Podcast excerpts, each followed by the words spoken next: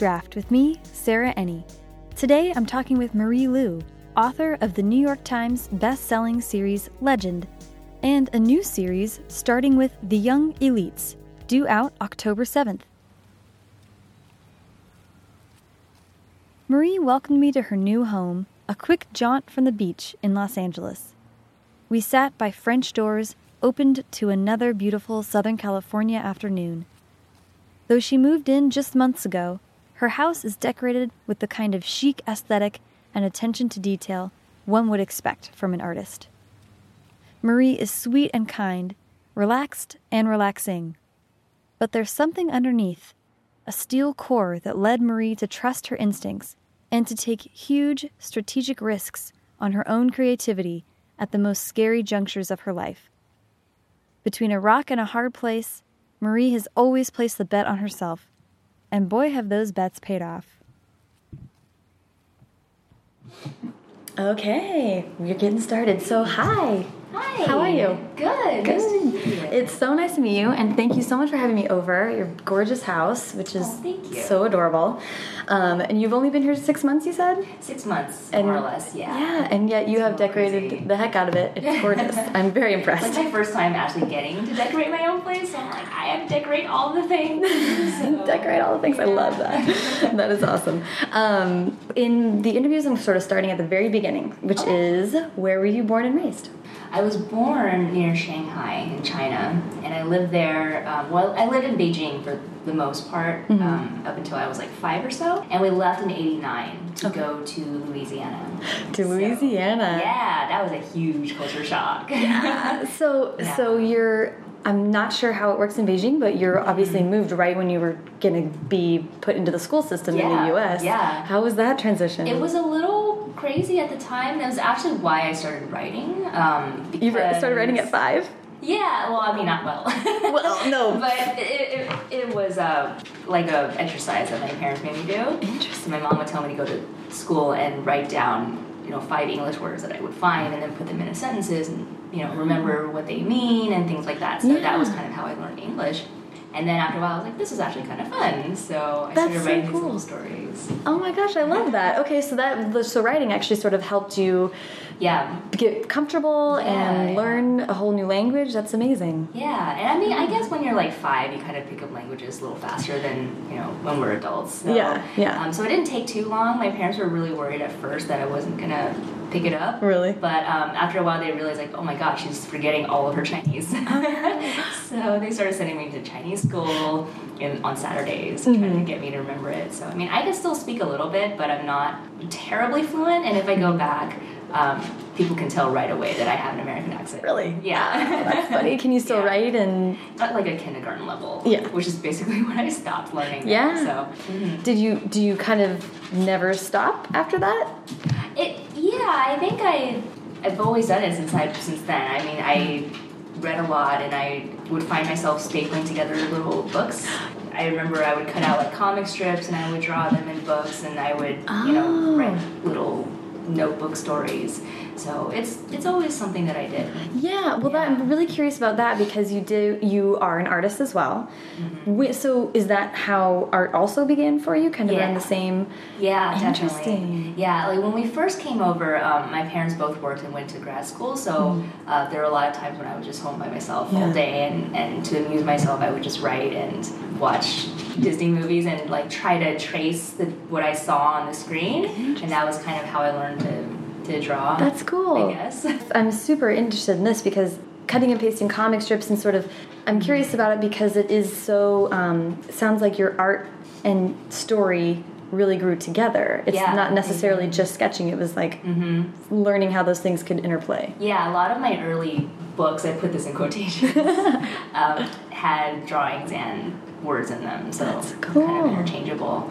So you moved to Louisiana, Mm-hmm. but you didn't stay there forever. No, I stayed in um, New Orleans for two years, and then we moved to Houston, which is where I spent most of my time growing up. Mm-hmm. I think I was in Houston from like age 10 to 18 when I came out to LA for school. Okay. And now I just stay in, I just stayed around in LA because the weather is amazing.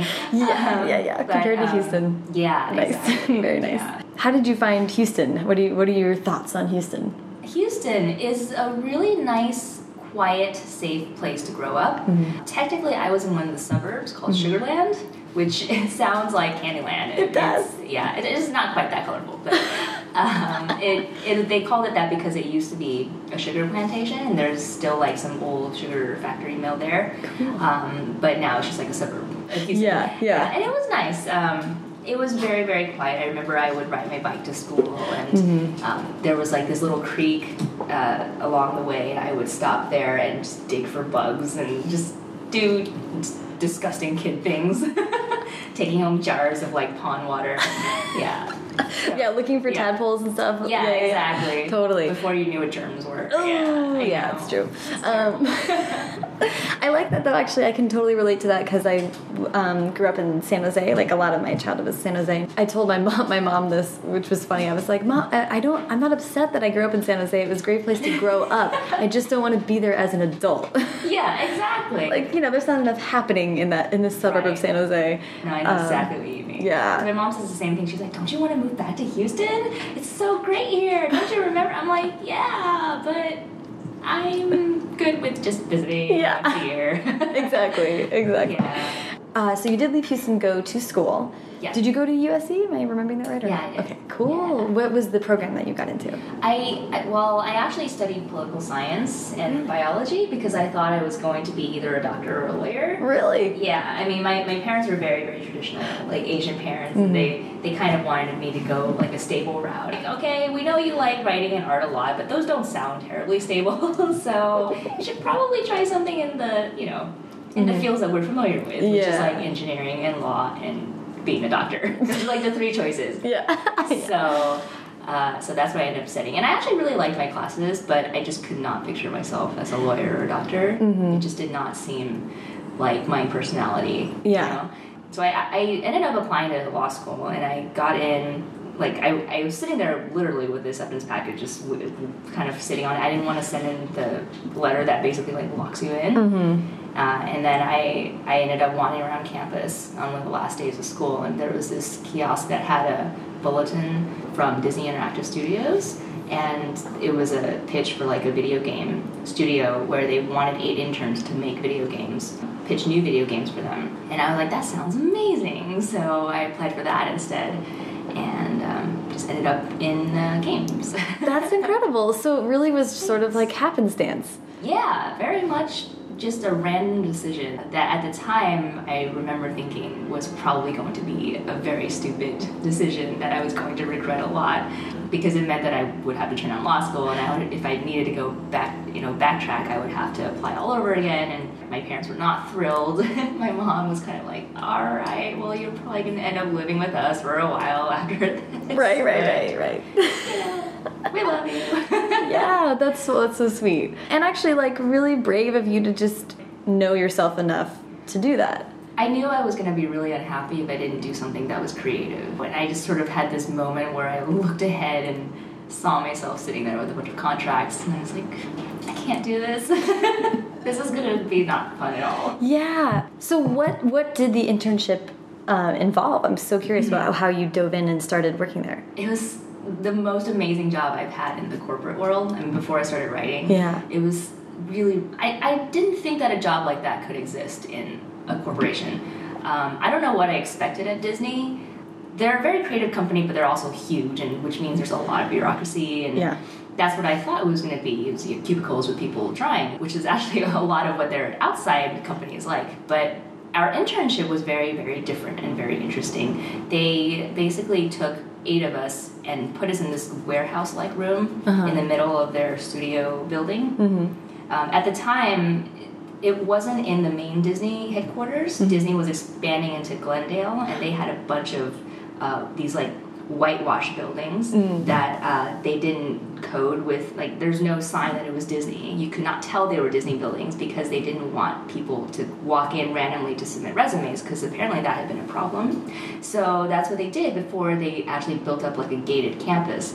And now, if you go there, there's like a gated. You know, they built it up. It, it looks like a second Disney headquarters now. Yeah. Um, but when I was there, it was kind of like this weird little whitewashed, very odd. Yeah. Like, who's that girl going to work in the unmarked white Yeah, building? I know. It's like very suspicious. is this like a cover up for your drug cartel? That's true. You know? Imagining you showing up for an internship the first day and you're like, what door do I go in? That's yeah, so funny. like our orientation was at the main building. It's like the cool Seven Dwarves building that they have, which is like their they have this their their main building has the Seven Dwarves carved out as pillars around this like giant building, which is really cool. And I was like, this is amazing. And then they're like, okay, now we're gonna go head over to your internship building, which is like ten minutes away in this weird like industrial zone with nothing but whitewashed buildings. And I was like, what is this? Did I sign up for an actual internship? yeah. um, but it was really fun because once you step inside, it's it's there's like Disney stuff everywhere, and um, our room was set up to be this giant space where we could just be creative and come up with game ideas. Yeah. we were essentially a think tank, and they wanted us for six months to come up with new game ideas for Disney. They just wanted to see if we came up with anything that was less um, rigid and a little more loose and blue sky uh, than than the what they had been making. And that's what I was going to ask is were they asking you to use Disney properties or it was just whole cloth new ideas? Sometimes, yeah. So they could say like it can be anything. You know, it can be kind of related to Disney properties. It can be totally different, uh, which was actually really really fun because at that point Disney Interactive uh, was making just like Hannah Montana Yeah. games. And, Yeah. You know, that's so Raven, which are fine, but you know they're not exactly like groundbreaking games. Yeah. So one of the games that came out of the internship group before us was Epic Mickey, which is Oh. actually a. Have you heard of that one? Yeah, I've heard of it a little bit. It's a cool one. It's where uh, Mickey goes. Well, actually, it's about Oswald the rabbit, who was a character that existed before Mickey, Mm-hmm. and the story was that he was bitter that Mickey had become the the symbol of Disney, and he wanted his revenge. So he basically he lives in this like broken down, lost um, steampunk version of Disneyland, and you had to go and fix it with a brush. And the whole story is like you have this magic brush that changes the world as you play, and that came out of the internship group before us. In our group, um, I remember this was, by the way, where I met my husband. We were both in this group, and he pitched a Fantasia music game that was very much along the lines of like Guitar Hero or something, but with classical music, with Fantasia art with it. Yeah. And I remember pitching a dark Peter Pan game where you had to go and save Neverland because you were getting older, which is not supposed to happen, and Neverland had started to change and become scary and very dark, and uh, you had to go in and fix it. So you were allowed to kind of play with their properties a little bit, which was really, really fun. Um, a lot of them didn't really get past the you know the initial stages. Uh, there were a couple that made it through, and we would we would make these little prototypes uh, and animations to go with it and pitch them basically. And, Yeah. And then the, there were three projects that ended up being pitched to Iger, uh, and so you know to see where they would go. I think one of them, which was like a superhero game, I'm not sure if that one's if they're going to do anything with that one, but that one probably got the farthest Wow. out of the three. So. That's cool. Oh Yeah, my it gosh. really really fun. That's amazing. And what a great, like, I can see how you would meet and fall in love with someone in that environment of just pure, Yeah. like, creativity and sort of a group thinking in that way is so addictive and fun. Yeah, absolutely. It was it was a space where you just basically lived and breathed creativity Yeah. from morning till night. Um, I mean, it was so fun that we would spend all day drawing and coding. The, the people who were hired that were coders, uh, they, they hired uh, two marketing guys, and I was one of the artists. I think there were like three of us that were artists. It was so fun that you know after the day ended at six o'clock, you could hear our Nintendo DSs just lighting up because we we got into this habit of playing Mario Kart at the end of every day. and we would play until one person, uh, whoever it is that came out on top on the last round that we played that day, would get to hang this like fake wrestler belt over their desk the next day, and so it became this huge deal to get this wrestling belt. Oh my gosh. Yeah, so we would stay after work for like two extra hours just battling it out. That's awesome. Yeah, so sometimes our bosses would come in and they're like, "What are they doing?" Oh, They're just playing Mario still Kart." Yeah, here. they're still here. young. They don't have anything to do. That's so funny. I I love that. That's amazing. Mario Kart is one of those games that you can play every day. It's Yeah. new every game. so- Yeah, and we were perfect because there were eight of us, and that's like exactly how many people they have in the slots for multiplayer Mario Kart. So, Yeah. Oh my gosh, that's yeah, rad. It was crazy. The so this whole time that you've been going to school and doing this really creative job, um, and thinking about create creative jobs basically um, Yeah. and professional avenues for yourself. You've been writing the you were writing the whole time. yeah, writing and trying to get published and failing and trying and failing. Okay. And that started um, to backtrack a little bit. Yeah, yeah. In middle school, I remember when I was 13, I read this article in the paper. They had they were profiling this 13 year old girl named Amelia Atwater-Rhodes, who I think still writes. That's a that's a really great name. It Yeah, sounds like a character amazing name. yeah, and she had written a book called In the Forest of the Night, which was a vampire story, I think, and had gotten a book deal with uh, I can't remember one of the major publishers, and so they were profiling her, and that up until that point, I had no idea that real people wrote books. I never made a connection. I don't know why. I just this, I thought it was like a brand, you know. It's like oh, this is the Carolyn Keene, you know, whatever Oh, Nancy Drew brand of books. That's funny. So not that you felt like authors were superhuman, but you thought Yeah, like I that publishing houses were creating people. Yeah, ex- yeah. Essentially, that was that's a really good way of putting it. That's funny. Yeah, I just I don't know why it never clicked to me that this was a job that people did. I don't know where I thought books came from. Well, I just what's funny is that you were sort of Yeah. ahead of. I mean, ahead of yourself because that happens a lot. Actually, really, in publishing houses, is they take a name or That's and then they true. continue. it. So actually, you were like That's really super savvy, in a way. um, Oh, so, so sorry, you read this article and and turns out real humans write books. yeah, it turns out real humans write books. So at that point, I remember thinking, I was like, I would really love to be a writer. That sounds like an amazing job. And now I knew that you know a 13 year old could be a writer. I, there was like no limit to like, you didn't have to get some sort of degree Yeah. to do it. You could just do it if you know if you were good enough. So I started writing my first attempt at a novel when I was 14, and it was a horrible, just the worst thing ever. And I thought it was amazing.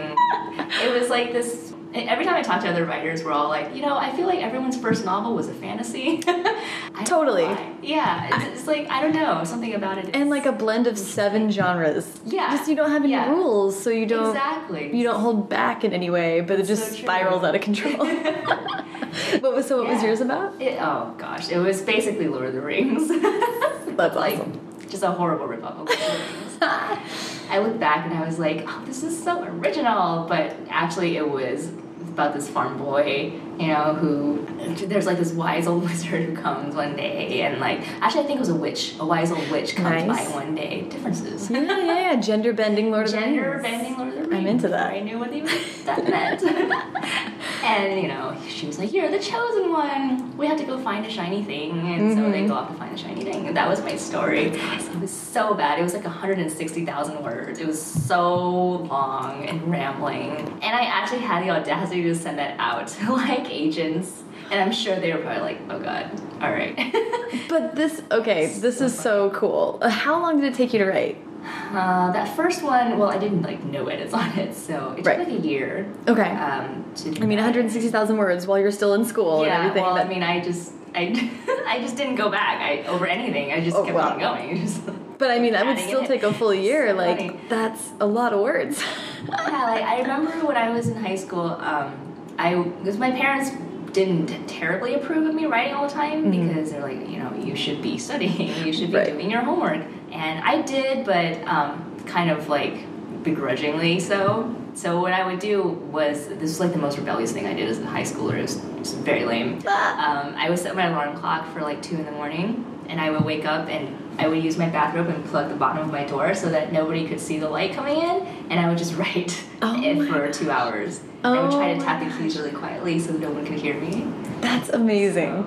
I love yeah, I was a that. very sleepy person in high school.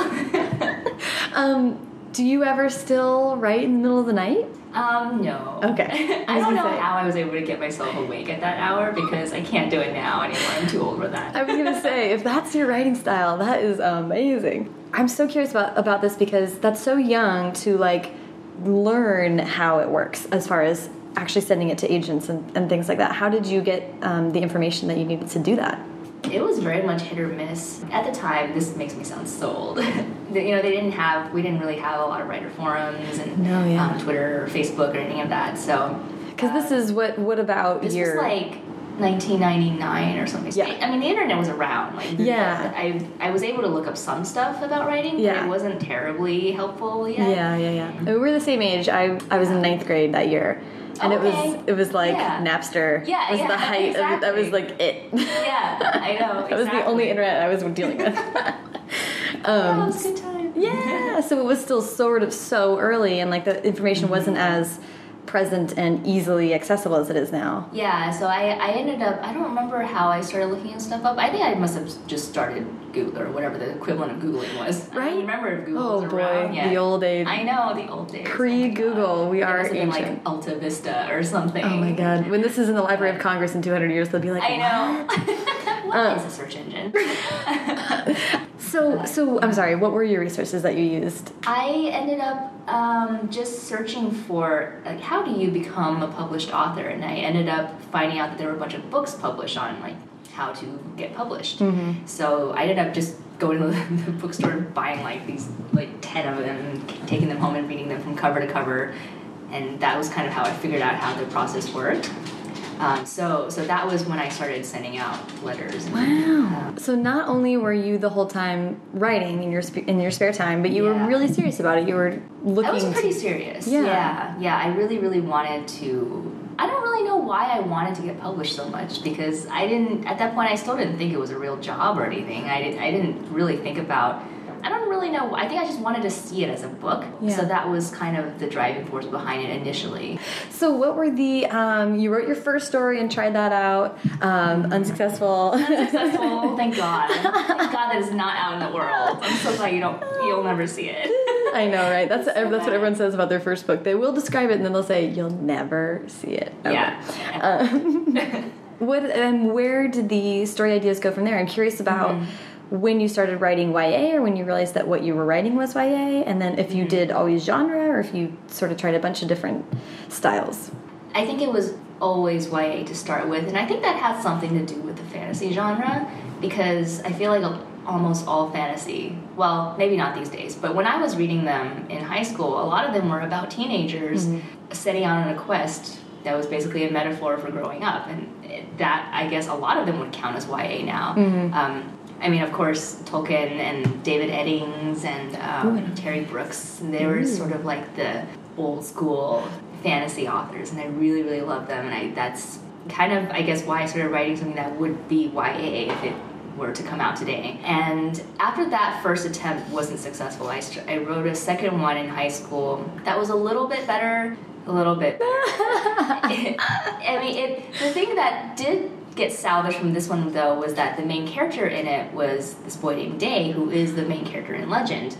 And I always liked the kind of kind of Robin Hood, Han Solo type character, and that's who he was. But the story wasn't good enough for the character yet, so I kind of put him on the shelf after that story didn't end up selling. Um, I did get an agent with that story, but he wasn't able to sell it. And then after he wasn't able to sell it, I wrote a third thing that he didn't like, so um, he dropped me. And I remember that was kind of a low point for me for writing because I was like, oh, I I felt like I had gotten really close, and then now I had been dropped and you know kind of starting all over yeah, again. back to square one. Yeah. Yeah, exactly. With like no manuscript and no agent, and I had to start all over. And so I stopped writing for like a good six months or so because I was just burnt out. Yeah. Well, and that coincided with starting college, right? Which is a whole yeah, other host of. whole other thing. Yeah. Yeah. so that makes sense. Yeah. Um, a good a good break is that's good for anybody. Was the next effort Legend bringing Day back, or was there another Um, book in between? Okay. yeah, so there was that third one, which was actually worse than the second one. So I felt like I was also going backwards Oh, no. with my writing. So I stopped for a while, a long while, and then I started writing again because I had. I, I wrote a manuscript called The Kingdom of Back, which was a historical fantasy about Mozart's sister. Uh, he had an older sister who was five years older than him, and she was just as talented as him in music and composition, but she wasn't allowed to be a composer because back then women were not allowed to be composers. But when they were kids, they actually toured together. So they would play for all the kings and queens of Europe, and because they had such long carriage rides, they would just spend days and days just making up stories for themselves. And I, I don't remember what I was reading. It was it must have been some biography or documentary about Mozart, and they said that he and his sister had created this kingdom called the Kingdom of Back while they were on their travels. And uh, I thought that was just a really fascinating thing about their childhood. Wow. Yeah, so I ended up writing this uh, manuscript about his sister from her point of view, what it must have been like to, to grow up as this child prodigy, but seeing her brother get everything before her and she's not able to do it at the same time. And so the story was about how she kind of retreated into this kingdom of and it became kind of a reality around them. It would start seeping into her reality. And as she became more bitter, the kingdom became darker and scarier. So that's what that story was about. That's so cool. Um, thank you. Oh I still gosh. kind of like the idea, but it definitely needs a lot of rewriting if I were Yeah. to go back to it. It's kind of a very odd little story that was very different from everything that I've ever written Yeah. before or since. It's still um, sort of fantasy-ish, but that's a really unique window yeah. into it. Yeah, it was like a very quiet sort of book too. Yeah. Um, but it did get me my agent that I have now. That's what I ended up submitting to, to Kristin Nelson.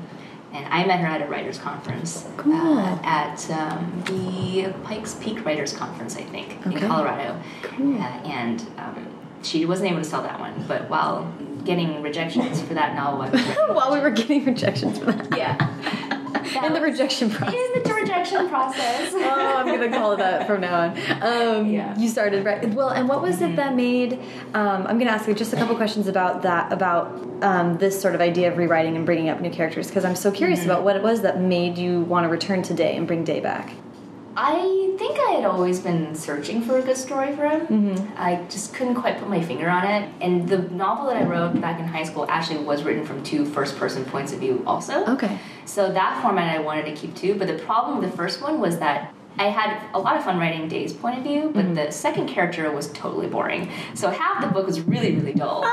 and that was one of the major issues that agents Yeah. who rejected it would tell me. They're like, they're like, this character is great, but half of your book sucks, so we can't take it. I know. yeah, so I was always searching for that second character for Yeah. him, I guess. And that didn't come about until I started writing Legend and created someone who could be his equal and opposite.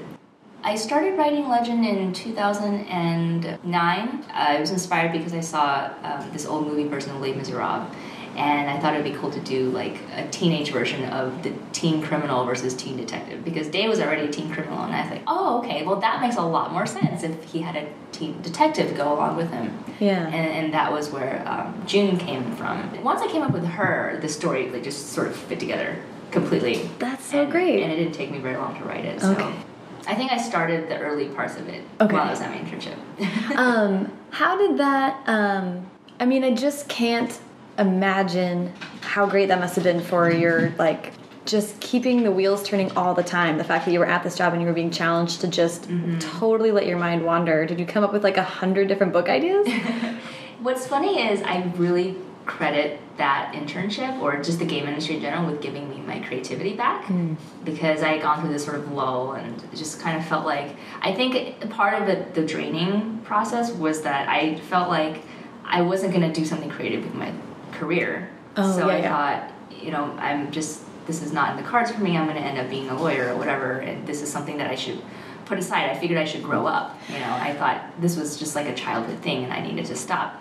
But after I started working in games, I realized that everyone there is like a little kid, Yeah. and I didn't really need to grow up and be an adult at the same time. So yeah, yeah. um, quote unquote adult. yeah, quote unquote adult, exactly. It sort of started while you were in the internship, and then where did you go after the internship? I can't imagine that that seeing that six months end was very happy. What, I mean, how did you? It was well. I actually ended up staying at Disney. They ended up hiring me on for two more years uh, as an artist, so I ended up staying.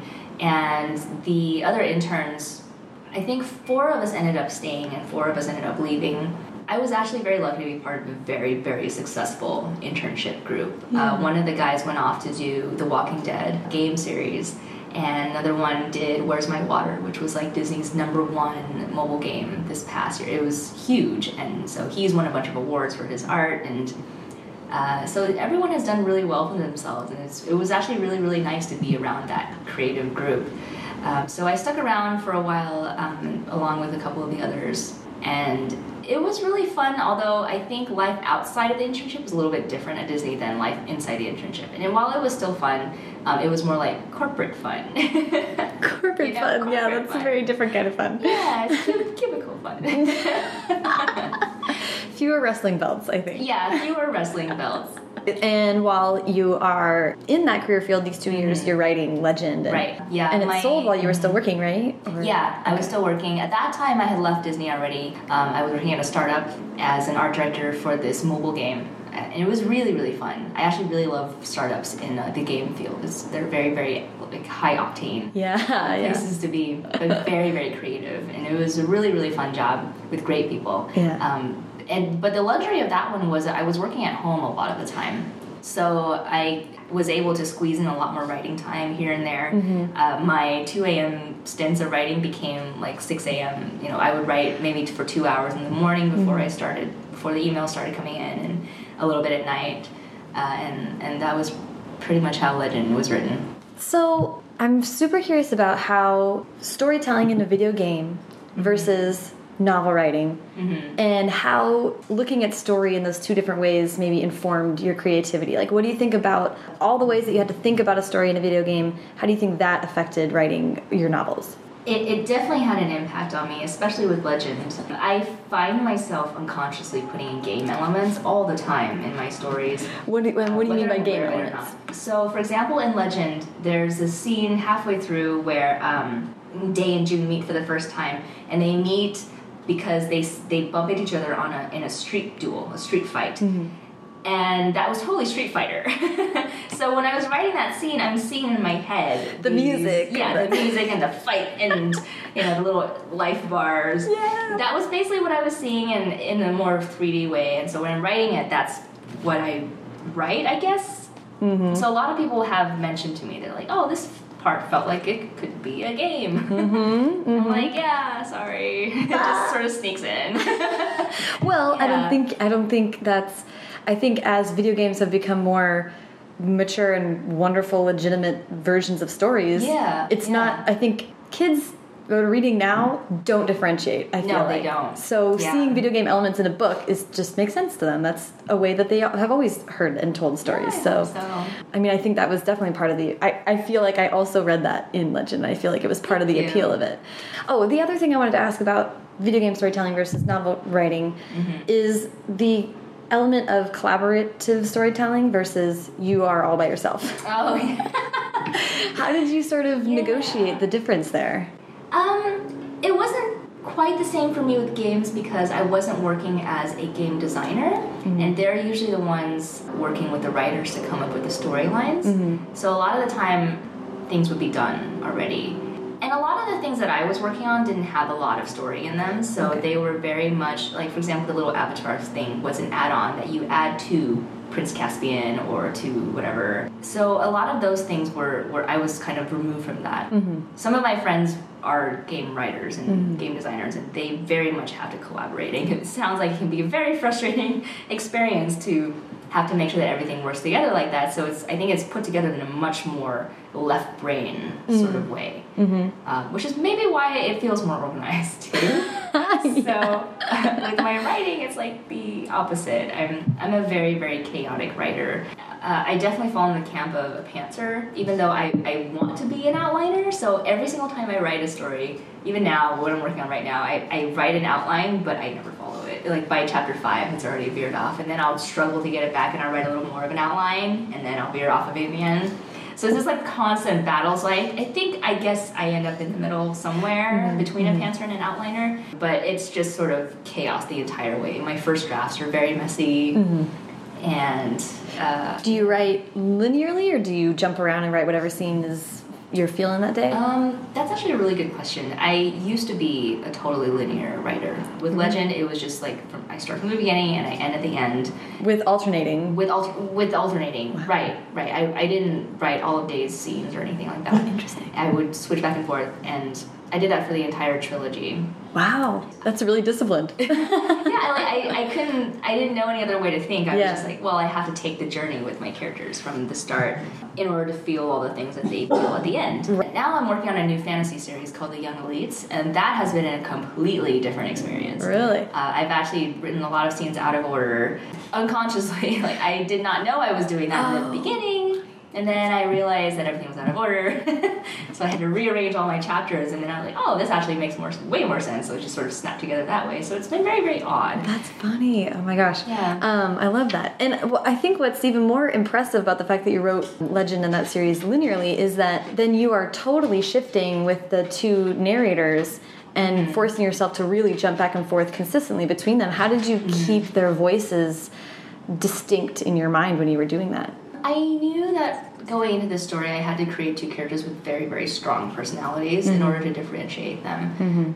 And I'm still not entirely convinced that they sound completely separate from each other, but I tried to make June pretty much an equal, op- like an opposite of Day. Because Day is very, very much an emotional, uh, driven character. He's very fiery, he kind of leaps before he looks, and his dialogue kind of reflects that. So he's hmm. kind of sarcastic, kind of quick to judge, and quick to anger, and hmm. quick to everything. Yeah, um, yeah. and his language is a little bit slangy uh, hmm. since he's living on the streets. And I and I knew that creating the detective who would go after him, I knew she had to be everything that was not that. Mm-hmm. So she is very very wealthy. So she, her language is much more formal than Day's.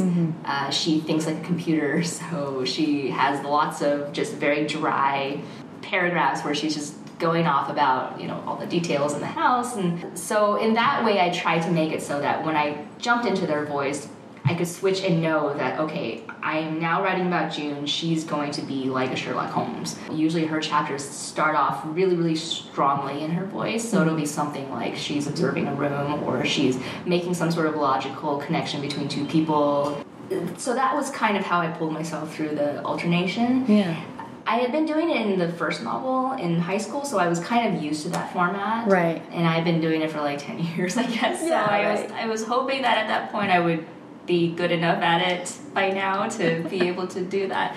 Uh, so so that was how I. Yeah, no, that's that's good to hear. I think a lot of people are maybe nervous about trying that because it's a challenge, and when it's done well, like in Legend, it's really great, and you get two voices, and it's just like double the fun reading a book. But um, it would be terrifying to think about, about in some ways about diving into that. As much work as it is to develop your one narrator like fully into a 3D character, then thinking about like doubling it. um, but it's so cool to read.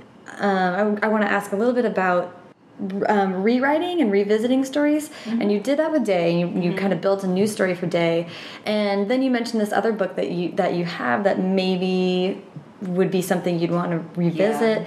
What was it about Day that made you sure you wanted to continue thinking about his story, and what would what would it be that would make you want to revisit other stories? Like that's a challenging thing to think about, It going is, backwards. Yeah, because I've definitely had stories where I rescued nothing from it, and I knew everything in here is crap. It's just not going anywhere.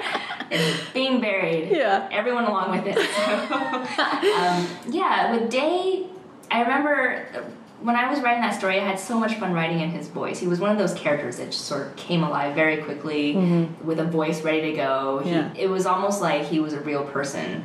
Uh, in my head, which makes me sound totally crazy, but I would, I, it kind of felt like I, he was standing there and he would talk to me mm. while I'm writing, and mm-hmm. his voice was just very, very fun and natural for me. Yeah. So even after I realized that this book was not going to sell, it was not good enough.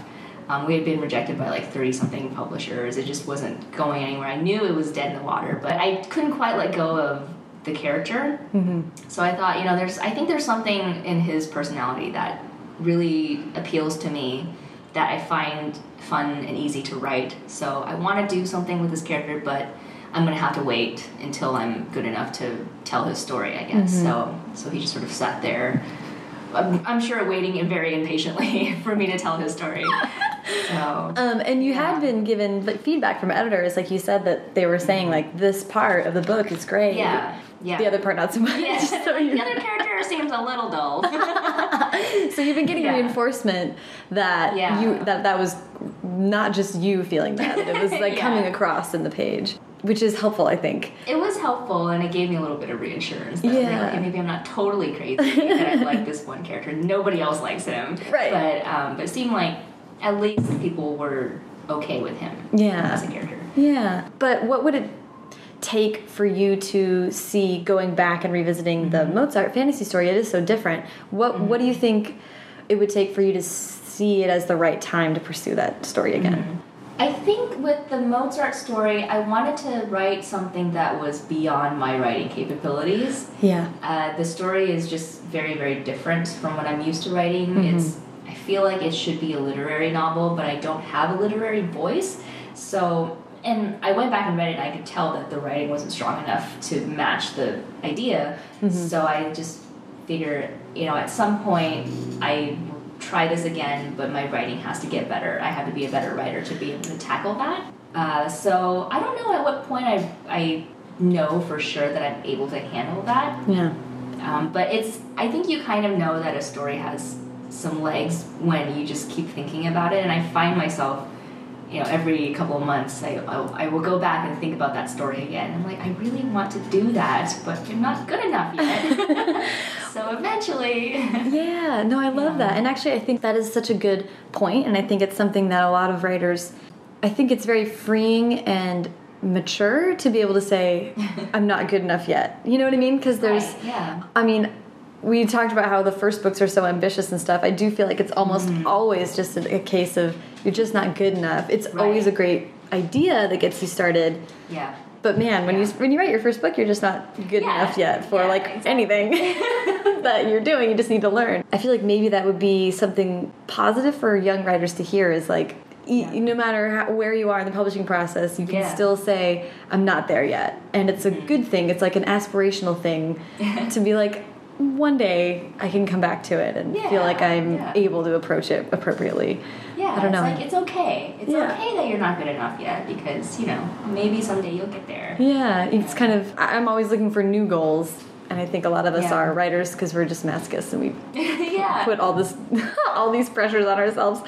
so So keeping that out there is like one day I'll achieve that is makes. I don't know. It's a good thing. I think. yeah, it gives you something to shoot for. I Yeah. guess. Yeah. Um, I'm totally like selfishly asking these questions because I'm like rewriting No, a book right now. This is really really fun. Um, What's like- your? Can I ask what your book is about? Yeah, it's uh, it's um, I write usually contemp, and Mm-hmm. um, just had a book that was like on sub and got like so close, but not, and it was the contemp with a twist. And the one I'm rewriting now is just sort of like a Friday Night Lights like straight contemp story. Oh, nice. Ah, I, I, and, um, thank you. And what made me go back to it definitely was that the characters wouldn't shut up and Yeah, wouldn't go yeah. away, and it was like I still had such like such a love for them. So I was like, I just want to see if I can do justice by the story and yeah. but it's really really hard to especially like it was like the sub wasn't working out so i was like Yeah. okay i'm back to sort of the square one situation i still had my agent um, so that was great but it was like man i gotta do a whole new manuscript so i went back to um, the contemp thinking like oh i'll just jazz it up and then i realized i'm so much better now and like that whatever that sounds whatever but i was like i've oh, I know what you improved mean. i've improved so much Yeah. that i just rewrote the whole thing Yeah. but then when you have the hard writing days, which happens to everyone in every mm-hmm. draft, it felt doubly bad because it was like, not only is this a tough writing day, but also am I making a huge mistake by going back to this book right. and not right. writing you something kind of have new. to talk yourself into staying with it. Yeah. Again. Yeah. Again, totally. And like, what if she does? What if my agent doesn't like it? What if it's just not a story that's meant to be? So it's been a real challenge, but I think it's one that a lot of writers deal with. Yeah, absolutely. Because we get really Definitely attached to our that. stories. Yeah, yeah, and and it doesn't really go away ever. Mm-hmm. You know, I, I feel like everyone I talk to still has those doubts, whether or not they're published or Mm-hmm. unpublished or whatever, or how many books they've had Yeah. under their belts. Like every book is like a miracle that it happened. You know, Right? So you ever look back on? I mean, you wrote well, you've and you've written much beyond that, but you wrote a whole trilogy. Do you ever look back and think like, where did those books come from? Yeah, I do. I do all the time. I'm like, how did that happen? and I don't think it's gonna happen again. You know? How it can never be replicated. There's no way. Yeah, it is a funny thing to when you reach the end and you're just like, wait a second, Yeah. when did this book occur? Uh, there's no, Yeah. there's no way I did all this, um, which is it's that's one of the like wonders of writing. I think. Yeah, yeah. But I'm glad you're going back to revisit your story. It's been really. I'm. I'm like so. It's. It's bad because I got so close to the end, and then I was like, maybe this is a huge mistake. Like three chapters from the end, and my friends were like, "What are you doing?" So I am like uh, gonna go back and, and wrap it up and revise it. So That's awesome. yeah, yeah, it's been good. Um, the okay. So speaking of the fact that you wrote a trilogy, and the Young Elites, I believe, is also a trilogy. Yes. Okay. I don't know why I'm doing this to myself again, but it is a trilogy. My question is, why are you doing it to yourself again? I don't know. I don't know. I told myself after Legend, I was like, okay, I'm gonna write a standalone. I'm Yeah. totally gonna write a standalone because that was hell, and I don't want to do that again. And of course, the first thing they come up with. Um, well, actually, I came up with a couple of other ideas that just didn't fly. Mm-hmm. Uh, my agent was like, I don't think you're strong enough. Like, think of something else. And then the next thing I thought of that interested me the most, I knew right away that this was not going to be a standalone. Oh. Because it's a fantasy, and fantasies are almost always series. Mm-hmm. So, and I knew because The Young Elites is about the journey of this girl who's essentially a villain. Mm-hmm. She's a bad person, and the story is told from like the antagonist point of view. I knew that th- immediately that the story arc would have to be something along the lines of they fall, they're really bad, and then they redeem themselves. I was like, oh, it's just, Oh, it's no. right into a trilogy Oh, arc. no. Why? so That is fascinating. Actually, if you don't mind, would you um the I was gonna like give a little description of the young elites, but what's online is kind of a longer description. Do- Yeah. Do, you have a short pitch that you can just give really quick? Yeah, sure. Well, uh, The Young Elites is set in a dark fantasy version of Renaissance Italy. It takes place after the equivalent of the Black Death has swept through, and a few of the survivors come out of it with superpowers. No one really knows what to do about these people, so they do what pretty much everyone did back then, which is to burn you at the stake because you're weird. Yep. So a lot of them started banding together to protect themselves, and they become known as the Young Elites. The main character is a girl named Adelina. She is essentially the teen girl version of Darth Vader. She's she's very very bitter and angry. She has a very very rough childhood and abusive parents, uh, and she ends up killing people because of that because she has all of this rage built up and her power stems from her anger so the angrier she is the more powerful she is the more afraid people are around her the more powerful she is so she feeds off of that Wow. and it's hard for her to get around that Yeah. um, her saving grace is her sister she has a younger sister who is the opposite of that and she kind of keeps her in check so the story is very much about her descent into darkness and how she pulls herself out of being a horrible person. That's a great So- story. We did talk a little bit about how Legend has sort of video game elements to it. I'm wondering if there's any of that. A couple different versions of this question. If there's any video game elements in the Young Elites, but also sort of, I'm curious to hear you talk about how visually you get into a story. Okay. Um, so those, I don't know if those are anywhere near the same question. But yeah, yeah, whichever one you want. related, Okay. Because video games are so visual. Yeah. And I am a very, very visual writer. Mm-hmm. When I write, I, I'm just constantly picturing scenes in my head, um, almost like a 3D rendering of it. Yeah. to to um, to get myself into that creative space. And with um, with game elements in Young Elites, I think the the main game-like things are very superhero-ish. Hmm. So I um, I really really love making dress-up games. I really love Yeah, doing like that the- in college. yeah. like where you have your little character and you choose all their clothes, Yeah. their hair, or Like whatever. share at the beginning of Clueless. Yeah. like, all this type of Exactly. stuff. it's very much clueless. Um, so with the young elites, I I wanted to write a story where there were a lot of colors that I could play with. cool. Uh, the problem with Legend was that it's such a I Tyler and I have talked about this before, where it's just such a gray, literally world. Dystopias are always so gray. Everything's bombed, and you're just like, this is really depressing. And after that, I was like, okay, the Young Elites is also a dark story, but there needs to be some colors in there. So everyone who is a Young Elite or just mark, they have markings. So they have weird hair colors and uh, weird eye colors and patches on their skin and things like that. So I I just I had this image in my head of like a character picker where you're picking like I want her to have white hair and you know gold eyes or whatever. Like Miis, like making yeah, yeah, exactly. They're like Miis. And that's what I'm picturing in my head when I'm creating the characters. So, so that is a very, very game-ish element to me in there, and then Yeah. you match them with a superpower, and they um, fight each other. I guess. Yeah, yeah, yeah. Um, it, I don't know. Like, it, maybe part of it came from the uh, game idea that came out of the Think Tank group, which was a superhero game. Yeah. Um, along that line, it was like superheroes and supervillains Yeah. versus each other. Uh, That's so, cool. so yeah. That's interesting to think about the kernels being sort of Yeah, they're still still there, there. sloshing around in there. Yeah, and yeah. they How could they not? Um, the and, and Legend has been optioned for a movie, Mm-hmm. and is like I mean it's hundred percent happening, right? It's I think, I- or is it? Well, I guess nothing's stage? really 100% unless they actually greenlight it.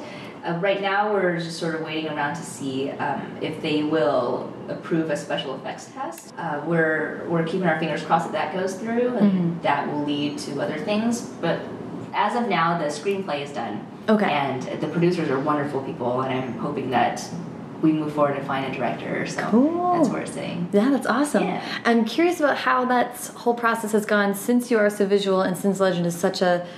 I mean, it's it's the kind of book that you read and you're like, oh, this should be a movie, or like this should be a video game. You know, it's got all the visual elements and lots of action, and it's, and it's got the forward thrust that, like a Divergent, it feels the same way. Like you read that and you're like, this has got to be a movie. Oh yeah, Um, absolutely. And since you are so visual and have it so in mind, I mean, are you at all nervous to see someone else sort of dive in and create their version of Legend? It's definitely weird, especially when I read the screenplay for the first time. It was like my story, but kind of tilted on its head. But it was great. I loved it. It's interesting to see another creative person's take on it and the different angles that they see it at. Because in my head, it looks like a movie, and I have a certain angle that I'm seeing everything from. You know, is it top down? Is it up? Is it, you know, a zoom in on their face or whatever? In the screenplay, of course, all of that's different. So I'm reading, and I'm like, oh, it's like I'm looking at the same story, the same movie, but I'm looking at it from a different camera. If that, That makes is sense. so interesting. You know? Yeah. Yeah, it was very, very odd and kind of surreal, but very cool to see it like that. And, Yeah. and now we're actually, I'm very excited that we're working on the graphic novel now. Ooh, And, yeah. and, and I, I'm not drawing it because I don't have the skills to do a graphic novel, but uh, but the artist is amazing, and they've been sending over some pages, and it's the same experience all over again. Where I'm like, I know this scene, but it looks so different from what I pictured in my head. It's amazing. That it's is really so cool. Yeah. Okay, I totally. I've, I've got to ask about the graphic novel. How Mm-hmm. did how did that um, come about? It was uh, Penguin, actually, my, my publisher that wanted to do the graphic novel. They did a couple of others. They did um, Richelle Mead's Vampire Academy beautifully. They're so, so gorgeous. And I think they also did um, Heather Brewer's Vampire series. Oh, I don't know that one. Oh, I don't know the name of the series, but the first book is Eighth Grade Bites. That's awesome. Okay, so then Yeah. they they said, "Hey, Marie, do you yeah, want someone?" like, hey, so we have been thinking about putting, you know, turning this into a graphic novel. Uh, well, my my agent was telling me that, and she's like, "Are you interested?" I'm like, "Yes." Why would I not be? This is like the most amazing thing ever. Yeah. Uh, so so we just went through Penguin again, and uh, they've been putting it together. It is so so cool. That's so neat. Were you involved at all in choosing the artist to, to interpret your story? Yeah, they've actually been amazingly lenient with, you know, I've, I've been able to be very involved in the entire process. They gave me several different artists to choose from. They're like, which one do you like? But all the artists were amazing. And we found one that uh, had a style that matched closest to what the series should be. And ever since then, the art director has been sending periodic updates and asking if the characters look right, if they need adjustment and height and Yeah. Oh wow. body Yeah. things like that. So it's been really, really cool to see that process. That's so neat. I love that. Yeah. Um, can you say the artist name or is it? Yeah, uh, it's the it's a studio called Caravan, and the artist name is Kaari, K A A R I. Cool. Okay, Yeah, I, I will link to that as well. that is freaking rad. When is that going to be out? Do you know? May 2015. Okay. And will it be all three or just Legend to Begin? Just the first one for Okay. now. I'm so into the YA growing to like expand to graphic novels and including Right? that like Yeah. element of it. It's so like It's so cool. yeah, so and so many of the stories being told by YA writers right now are just extremely visual and like Mm-hmm. even if they don't get a movie made, like this is such a fun way to see those books. Oh, it's so yeah, rad. Absolutely. And oh, well, and I would love to ask. Actually, I know Rainbow Rowell is actually getting Mm-hmm. the chance to write a graphic novel. Is she really? Yeah, I didn't even know. isn't that cool? amazing. It's really really cool. I don't, and She it's so. I know, right? And she's so she's just going to do the words, and I think it's a totally original thing. It's not not one of her books being translated. It's a new project. Would cool. would working on something like that be something you would be interested in? I would definitely be interested. Um, I have zero experience, in it, but I would love to learn that. I think that'd be really cool. Yeah. I don't know how the process goes for working with an artist on the side. I mean, that must be really, really different and collaborative. And Yeah, Interesting. I, yeah, I was talking to Kiersten White about that a little bit because she did Yeah. her book with Jim DiBartolo, which is was beautiful, and Oh, she so beautiful. Yeah, and Yeah. she was the number one thing that she was saying was like, well, you know, you can just delete three chapters, but you can't redo a painting. There's a lot, a lot more pressure on one end of the arrangement. Yeah. So I think Oh they just gosh. planned for a long time beforehand. Yeah. So But I definitely want to ask about um, We Need Diverse Books and the campaign Yes. for diversity in YA. Um, have you been directly involved in with Ellen O and doing that? Yeah, Ellen has definitely contacted me a couple times about it, and I think it's such an amazing, groundbreaking campaign that she's put together. She's a steam train. She's man. a steam train. I don't know how she does all of this. Yeah. It's amazing. Ellen is an amazing person. She approached me a couple of times to help get the word out about it and to tweet about, you know, why we need diverse books Mm-hmm. and um, to uh, send over some photos and things like that. So, Mm-hmm. yeah, it's a really great campaign. Yeah, and I'm just I'm so curious because you are a New York Times bestselling author, and and your book is a diverse book. It's your debut book, and it's a diverse book, and you are a woman of color writing it. It feels like like you are the are the person that the whole campaign can point to and be like, see, it's already happening. And there's there's people out there that are already writing diverse books that we can support, which is a huge Right. important part of the. It's not just that we need more of them, but they're already out there. Right, Um, absolutely. And we should go buy buy them and Yes, read them and support them. Do you see the industry changing, and do you see more of these diverse stories being told from your point of view?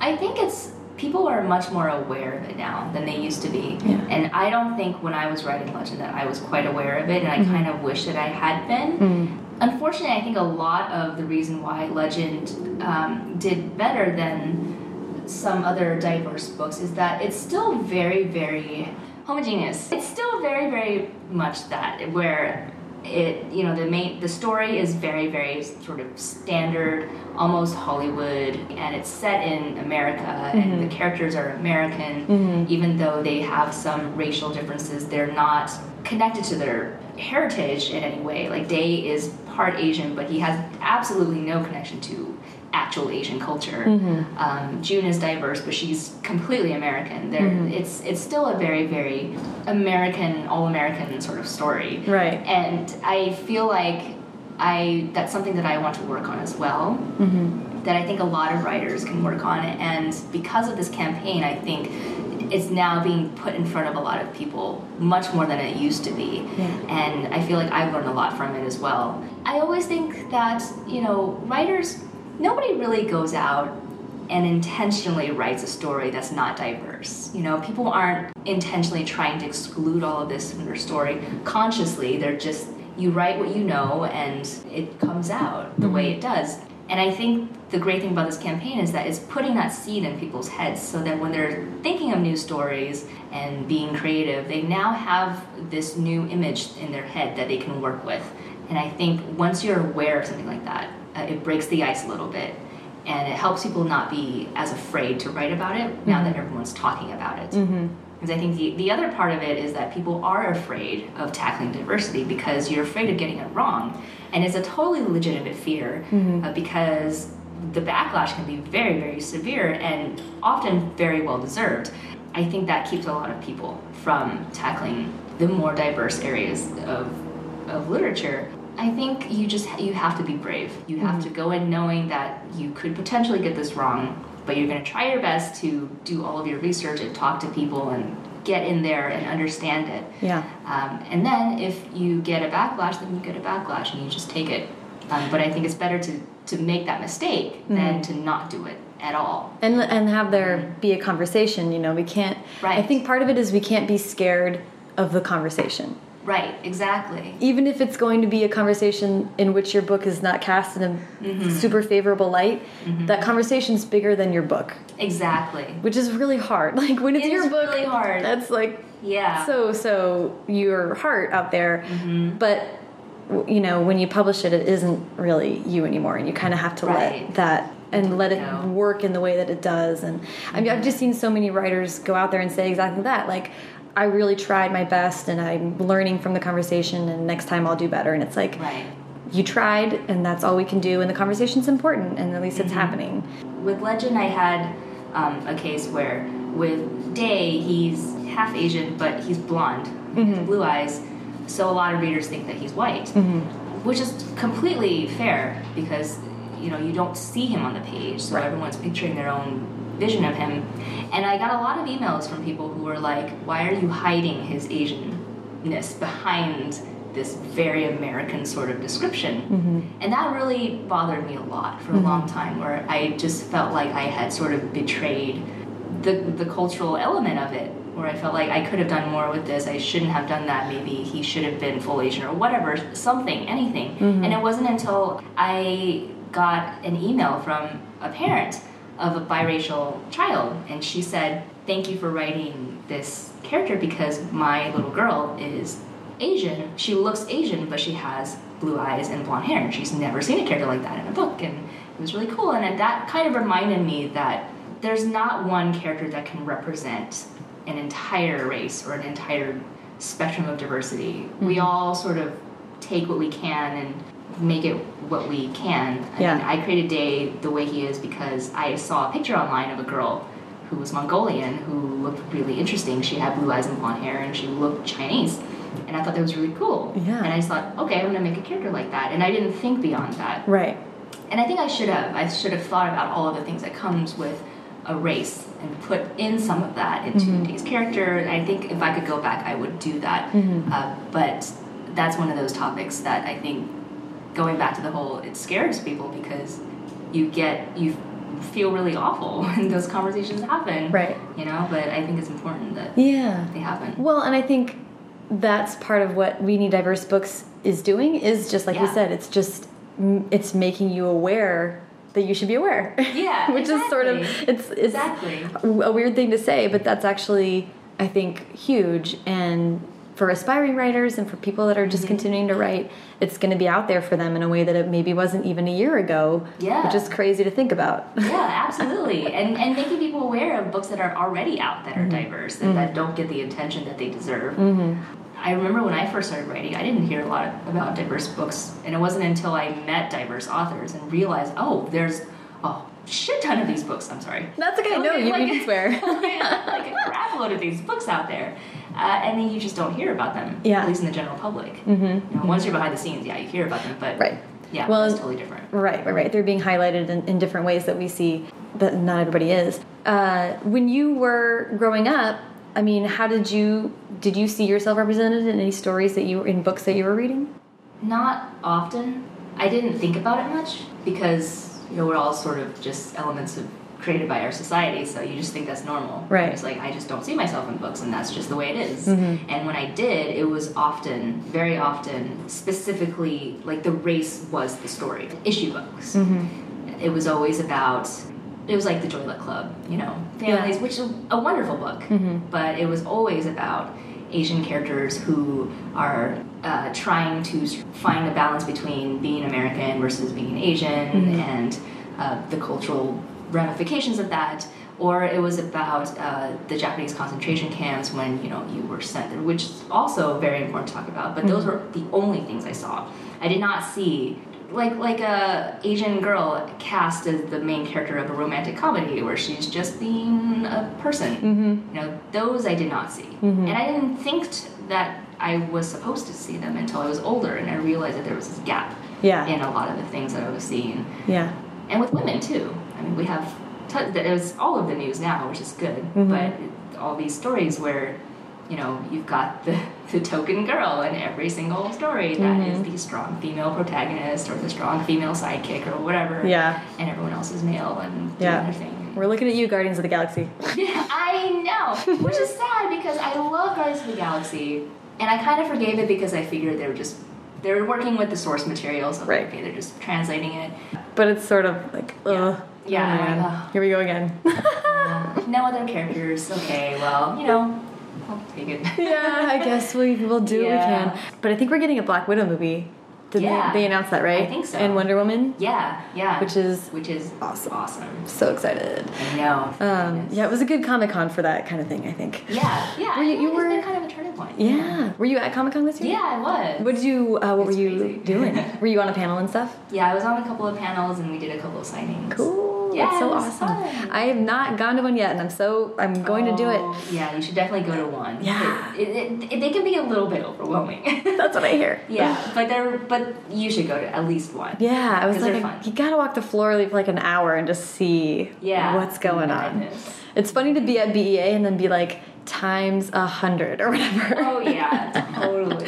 wild, wild stuff. um, okay, and um, the last thing I, I want to talk about a little bit is travel and place Mm-hmm. and and setting, and it ties into what you were just talking about because. Um, because you were born in China and your parents are both Chinese, Mm-hmm. um, and have you been back to China since? Yeah, I've been back a couple of times. Uh, I went back once when I was, I went back for three months actually when I was 12.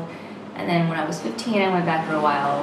And I sort of go back every few years or so.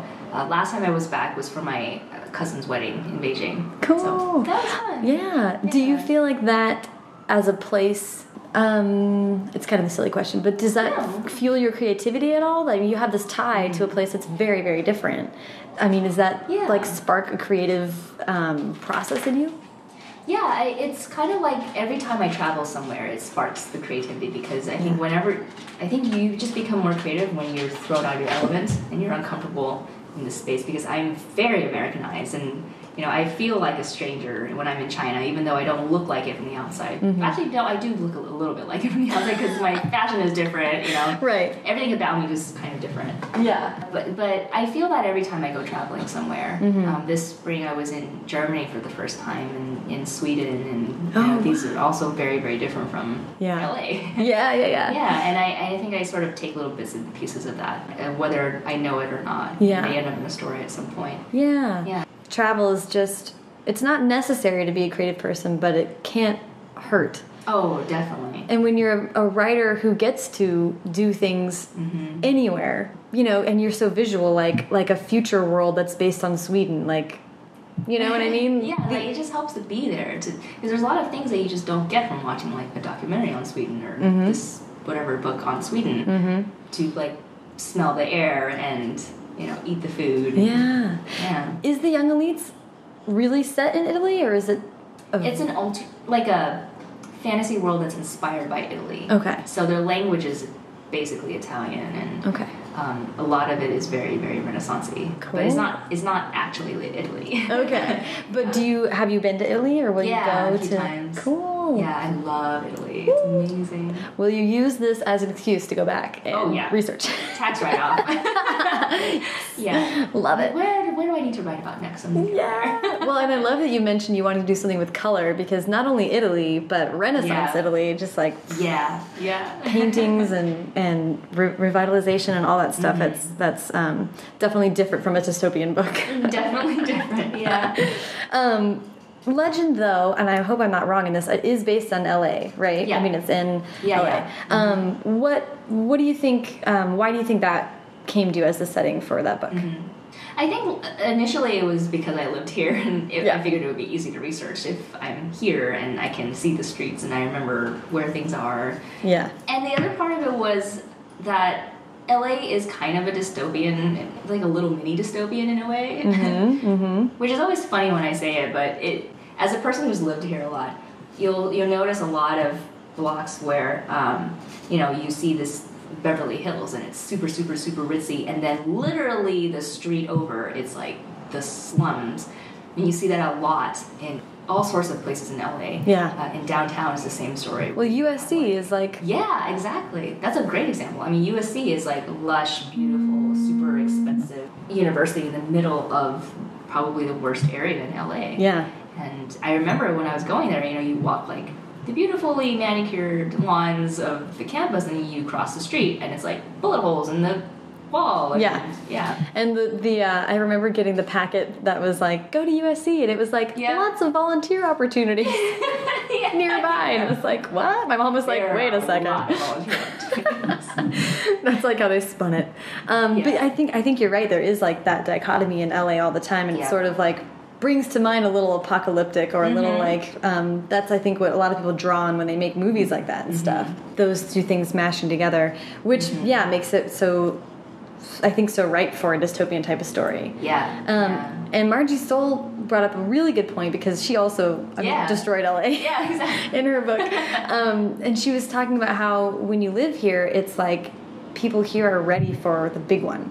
And yeah, like, they. That's a brilliant point. I know, right? She's so smart. Yeah, I I, was know. like, yeah. Um, So true. It's like this undercurrent. I mean, Mm-hmm. undercurrent, not to make an earthquake joke. It's like something that's always there. Good one. not on purpose. oh Lord. Um, it's like something that's always sort of on the mind when yeah, you're out it's here. true. Yeah, we all joke about it, and you know, like, oh, do you have earthquake supplies? Mhm. But the truth is, every time we feel a jolt, it's like, is this the one? Yeah. You know. Yeah. So. You know, not to answer your question for you, but um, I thought that. that's totally the great point. Yeah. it's yeah, it's absolutely true. Yeah, that was kind of interesting. Um, and um, I'm curious about about choosing to stay and live in LA. Mm-hmm. Um, I know there's work elements that that keep you here, but um, you know, what do you think it is about LA that that you like, and in what ways does it feed your creativity?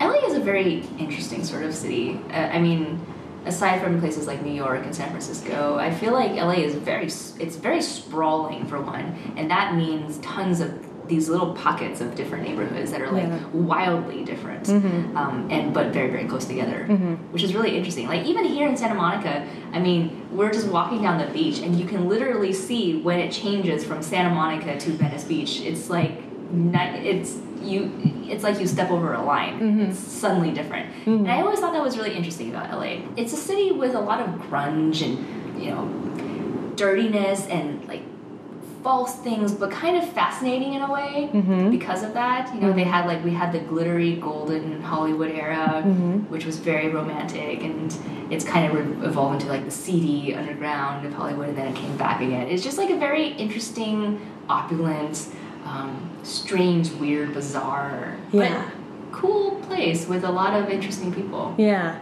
I like that. There is so many. When you think about Los Angeles, I think if you ask anyone, like in the world, they, they so many different images would come to mind for them, and so many different. It's just a place that that fuels the imagination in a kind of unique way, like New Yeah. York and Hong Kong or places like that that are just because of the global nature of Hollywood. Yeah. Everyone has some idea of what LA is, and I don't know, and then coming here and driving around and you're like what? This is la like this is crazy. Um, but it's so interesting you know? So okay i'm kind of um, wrapping up the um, a lot of the interviews with asking for writing advice and I know that you get this question a hundred million times, but um, so I'm, I'm sort of looking for two things, which is maybe what would you, what advice would you do you do you give to new writers, and also what uh, what have you learned or what advice would you give to people who are like starting out on a publishing career, because Okay. you're sort of on the on the trajectory and with a trilogy out, I feel like there's probably been some lessons along the way.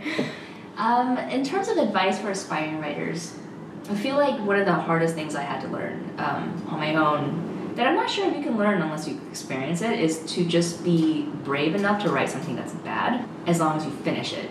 I feel like when I first started writing, I would have all of these 50 page stories that, you know, I would write to chapter four and I'm like, okay, I'm gonna go back and revise it. And you get stuck in this loop of just wanting to make it perfect and you and I think you just have to stop and tell yourself like it's okay if it's bad. You're not like I, I had to tell myself I, I'm not a great writer yet. You know I have to be able to finish a story. Like that's the lesson that I had to learn 1st mm-hmm. Is is that you can write something as long as eighty thousand words. Mm-hmm. You know that was the hardest thing for me to learn. Yeah. And after I finished that story, I couldn't let it go. That was the one, you know, the really horrible Lord of the Rings story that I really should have let go a lot faster than I actually did. and I think it's a hard lesson to learn to look back and think, okay, I know this is not good enough, but I'm going to start over again and start from page one, which is terrifying Yeah. you know, to throw away this thing that you've worked on for like a year and a half and start all over again. But Mhm. I think that's a very important thing for beginning writers to know. Yeah. On the career path, patience as a virtue is one of the biggest ones, and it pops up like at every point where the industry can be super, super slow. It can be fast when it wants to be, but for the most part, it's really, really slow, and I've kind of had to learn to be patient and understand that it's okay that this is taking a long time, and it's okay if it doesn't happen the first time, and it's just part of the process. Mhm. It all happens for a reason. Mhm. You know, so now I look back and I'm glad that the Mozart story never sold and the Right. earlier ones never sold because I'm like I wouldn't want that to be my first step out into publishing because then the readers would have caught how bad it was even if it got past the gatekeeper. And then that is actually a much harder place to come back from than if you're a debut because now you've got a bad sales record behind you and it's it gets tough. And so I've, I've learned to be patient uh, and know that if I fail at something it's okay and Yeah. maybe it's for the best. Yeah. and you just move on. And there's a lot of things in in publishing that is completely out of our control and that's the other part of it mm, Most things. yeah yeah what am i saying like 99% of the things are out of our control so It's funny Yeah. to, to, to think about that because it feels like that's not true because you have the mm-hmm. whole book.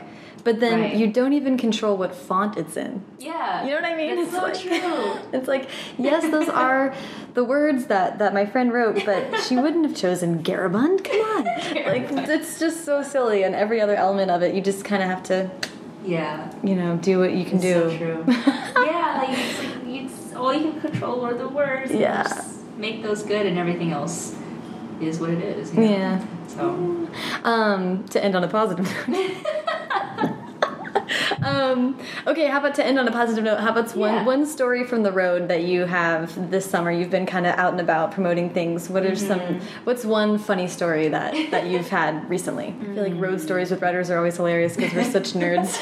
Getting us we together are is. nerds i know Well, how was it being on CNN with Veronica? Oh, that was really fun. Yeah. That was my first time. Um, well, Veronica and I had done a panel before at BEA. That was the first time I had really had a chance to talk with her at any length. But it was really, really fun doing the CNN thing because they play like a little game with us of uh, I didn't yes, no, or meh. Which is basically like they just spit out a word and we have to react to it. So we're both kind of like, okay, slightly nervous, but we'll see how this goes. And it was really, really fun. That's cool. Yeah, That's really cool. Yeah, it was really really cool getting a, a peek inside her her world, which is so different from It's most crazy. writers. It's it's crazy. Mhm. Yeah, really. Crazy. Yeah, it's it's yeah, yeah, yeah. Well, she does um she does so well with it, and um, do, doing TV interviews is Yeah, so it's funny because we're writers, yeah. It's So- like not a world that you think you would have to step into. right? Right. Did you do any like like have you done any like media training or things like that? I did. Uh, I guess my publisher thought I needed some media training, so they sent me actually for a round of media training right around when. Oh gosh, what was it for? It was right before. It, right before Champion came out, the third book, Mhm. and before that, I had been on this one uh, TV show, Tavis Smiley, on PBS. Yeah. Yeah, and that was my first experience of that, and I was just, I had this habit of just going numb on TV, and I don't remember anything Really? like afterwards I'm like, what did I say? Was it okay? I don't even remember. Did I faint? yeah, did I faint? Did I say something horribly inappropriate? Oh yeah. my goodness, that's wild. Right. Okay, well, is there anything else you wanted to go back to, or that you uh-huh. had other thoughts on that you wanted to share? No, I think we're good. You're good. Okay, awesome. Thank you so much.